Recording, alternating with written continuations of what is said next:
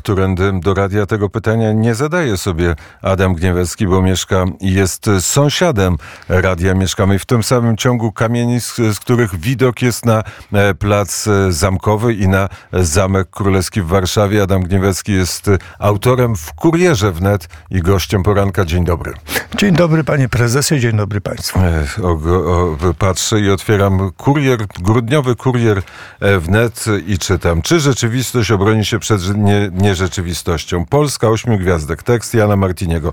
Niemieckie media o wyborach w Polsce. Paryż między Tel Awiwem i Gazą i na stronie ósmej artykuł 5 kroków Adama Gniewiackiego. Ale zanim o tym artykule e, porozmawiamy, zajrzymy do e, kalendarium. Od początku wojny Adam Gniewecki notuje dziennik taki, dyplomatyczny dziennik, polityczny dziennik tego, co się dzieje wokół Ukrainy. Nie chodzi o samą wojnę, o ilość dronów, która codziennie spada, czy rakiet na Ukrainę, ilość żołnierzy, liczbę żołnierzy, którzy e, giną, ale, ale o to, co mówią politycy i co w tym październiku, listopadzie ci politycy e, powiedzieli, co się zdarzyło e, ciekawego i istotnego. O to kalendarium, bo jak niektórzy mówią, wojna jest przedłużeniem polityki, czyli patrzymy jakby dalej.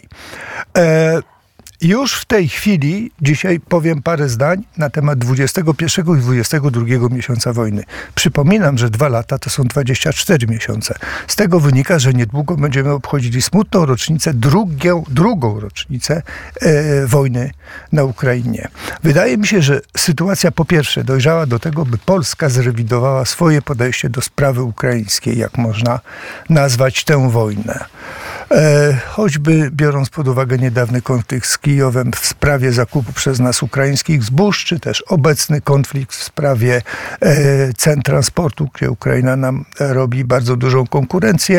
E, I dookoła tego dziejące się różne sprawy i wypowiedzi skłaniają do tego, żeby tę radosną euforię pomocy z pierwszych dni troszeczkę ogarnąć rozsądkiem. Ukraina, powiedziałbym, traci, i to chyba na własne życzenie, sprzymierzeńca. I tutaj powiem to, że też w Ukrainie, wewnątrz, też się dzieją różne rzeczy, których przedtem nie publikowano przynajmniej. Mianowicie 25 listopada, czyli ledwo co dowiedzieliśmy się, że około 650 tysięcy ukraińskich mężczyzn w wieku 18-60 wyjechało z Ukrainy do Europy od porządku e, inwazji Rosji na Ukrainę. W lutym 2022 roku podało BBC Ukraina, powołując się na Eurostat, czyli są to dane e, w miarę wiarygodne. Następna sprawa. Tony produktów spożywczych wysłanych do obwodu zaporowskiego w 2022 roku uległy zepsuciu z powodu przestępczego zaniedbania oznajmił Jurij Małaszko, gubernator obwodu zaporowskiego. O znalezieniu 500 ton ukrytej pomocy humanitarnej w obwodzie zaporowskim poinformowano kiedy? W Dniu Pamięci o Hołodomorze, czyli wielkim głodzie sztucznie wywołanym na Ukrainie, który pochłonął miliony ofiar. To jest oczywiście jakaś, jakiś taki chichot historii. Niemniej widzimy, że nie wszystko, jest tam, nie wszystko jest tam pięknie i Ukraińcy sami zaczynają o tym mówić oficjalnie. E, nie, tak jak powiedziałem, druga rocznica się zbliża i niestety ta wojna, te, to czego obawialiśmy się, staje się stałym elementem obrazu świata. I oto w ramach dnia 24 listopada, znowu niedawno, w ramach Funduszu na Wsparcie Wojskowe dla Ukrainy w latach 23-28 Dania przeznaczy łącznie około 8,8 miliarda dolarów. Podały duńskie media, a za nimi prasa polska. Zwracam uwagę na daty 2023-28. Komunikat nie zawiera refleksji co do czasu trwania wojny na Ukrainie. Nie zawiera. Następne. Zełenski sam musi zrozumieć, że negocjacje są konieczne napisał niemiecki dziennik Bild, który twierdzi, że dotarł do krążącego po zachodnich stolicach projektu tajnego planu zakończenia wojny Rosji z Ukrainą, opracowanego przez kanclerza Niemiec Olafa Scholza i prezydenta Joe Bidena. Czyli myślimy za Ukrainę, a poza tym ta wojna wchodzi jakby w stały krajobraz świata i niestety prawdopodobnie wchodzi w stały element życia, gospodarki i polityki rosyjskiej. I może się stać nawet prawie niezauważalna dla narodu rosyjskiego. Następny taki historia związana z wojną i też wyciągnięta z naszego kalendarium to jest Turcja NATO. To jest never ending story, który się dzieje już od bardzo dawna. I tak, miesiąc temu, 23 października, prezydent Turcji Erdogan przedłożył tureckiemu parlamentowi do ratyfikacji protokół przyjęcia Szwecji do NATO podała administracja prezydenta. Wiemy, ile z tym było Zachodu. I w miesiąc później dowiadujemy się, że Ankara poinformowała na to, że ratyfikacja umowy o rozszerzeniu sojuszu o Szwecję nie zakończy się w czasie, który pozwoliłby, aby do oficjalnego wstąpienia Szwecji do NATO doszło w czasie spotkania szefów dyplomacji państw sojuszu w przyszłym tygodniu. Decyzji o rozszerzeniu NATO o Szwecję nie ratyfikowały też Węgry. Wojna trwa, zagrożenie dla świata trwa, bo jak jest taka wojna, to zawsze istnieje możliwość jej rozszerzenia. A kraje natowskie, w tym największy kraj natowski po Stanach Zjednoczonych, najpotężniejszy Turcja, bawią się sprawą, żeby wyciągnąć jakieś własne korzyści, czy to polityczne, czy to materialne. Węgry też się bawią sprawą, chociaż to jest z Węgrami, powiedziałbym, inna historia.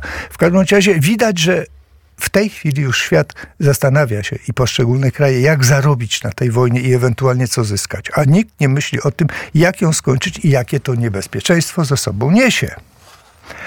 Niestety, jeżeli chodzi o pomoc wojskową dla Ukrainy, a właściwie jej ograniczenie, to znowu mamy Premier, premierzy Węgier i Słowacji sprzeciwili się przyznaniu 50 miliardów euro pomocy dla Ukrainy podczas szczytu przywódców państw członkowskich Unii Europejskiej. Urban powiedział, że wsparcie UE nie działa, zaś Fico wskazał, że problem korupcji na, y, wskazał na problem korupcji na Ukrainie.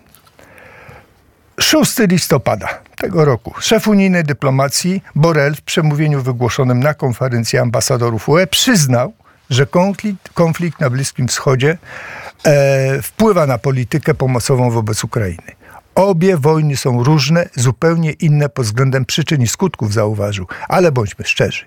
Kryzys na Bliskim Wschodzie już wywiera trwały wpływ na naszą politykę na Ukrainie, dodał. Temu się zaprzeczało oficjalnie. W tej chwili już niektórzy przywódcy o tym mówią. 7 listopada w, Senacie USA demokraci zablokowali republikańskie próby szybkiego zatwierdzenia ustawy o pomocy. Chodzi o pogodzenie pomocy Ukrainy z Izraelem. 21 listopada, bardzo niedawno, dostawy amerykańskich pocisków 155 mm na Ukrainę spadły o ponad 30%. Od rozpoczęcia konfliktu Izrael-Hamas, powiedział telewizji ABC, ABC, nasz News, anonimowy urzędnik amerykański. I mamy sytuację, w której jeszcze niedawno zaprzeczano, że wojna na Bliskim Wschodzie ma wpływ na konflikt ukraiński. Teraz już się mówi oficjalnie, że ta pomoc spada. I wiemy, że wojna staje w miejscu. W najnowszym kurierze wnet też pan pochylił się nad e, cywilizacją, a właściwie nad jej upadkiem.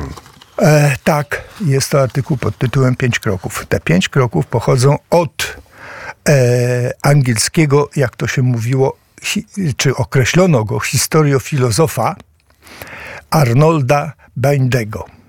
I otóż ten pan przestudiował 6 tysięcy lat ludzkości i 13 cywilizacji, które już nie istnieją i znalazł pięć charakterystycznych wspólnych kroków dla ich upadku. Mianowicie to są te pięć kroków to degeneracja elit, upadek filozofii, upadek religii, upadek sztuki i napięcia społeczne. To jest te pięć kroków, które robimy. I teraz ja sobie zadałem trud poszukania w naszej cywilizacji, cywilizacji zachodnioeuropejskiej, nazywanej też chrześcijańską, a zwanej także cywilizacją po prostu europejską, do której od razu powiem należy na pewno cała Europa, cała Ameryka Północna i zapewne Australia i jak niektórzy historycy twierdzą, część Rosji. Otóż e, przeanalizowałem to wyrywkowo oczywiście, co się dzieje na świecie. Otóż na przykład Parlament Europejski i Polski stały się wylęgarniami, inkubatorami i przechowalniami przestępców. I widzimy to tak samo w Parlamencie Europejskim, jak w Parlamencie Polskim. Ze, z braku czasu odsyłam Państwa do, do artykułu i e, po konkrety też odsyłam do gazety, którą bardzo, bardzo polecam i polecam swój artykuł. Następnie wyniki wyborów w Polsce. Powiem tylko tyle. Zacytuję Orwella, e, że Cik chce nie przekręcić. E, ludzie, którzy głosują na nieudaczników, złodziei, zdrajców i oszustów, nie są ich ofiarami. Są ich wspólnikami. To powiedział Orwell. Ja tylko zacytowałem, szanowni państwo.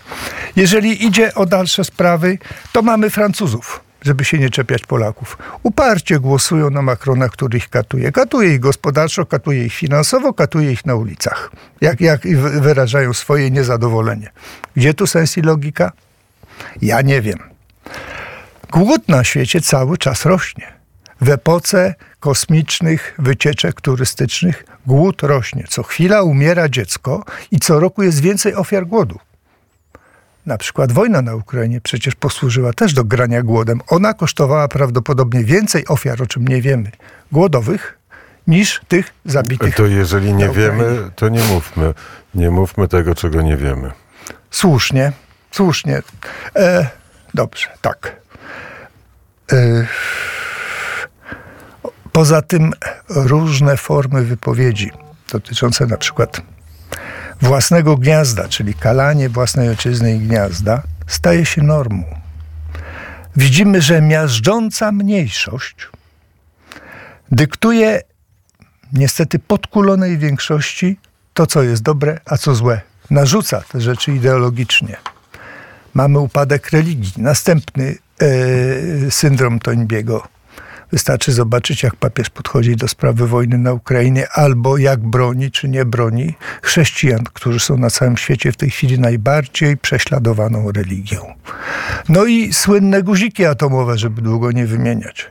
Otóż te dwa największe czerwone guziki atomowe na świecie znajdują się pod kciukami sadystycznego psychopaty i sklerotycznego, sklerotycznego starca. Nazwiska bardzo proszę sobie podstawić. A e, szczegóły i cały ciąg myślowy mogą Państwo prześledzić w najnowszym kurierze wnet. Ósma strona, e, tekst e, Adama Gnieweckiego. Bardzo serdecznie e, dziękuję za wizytę w poranku wnet.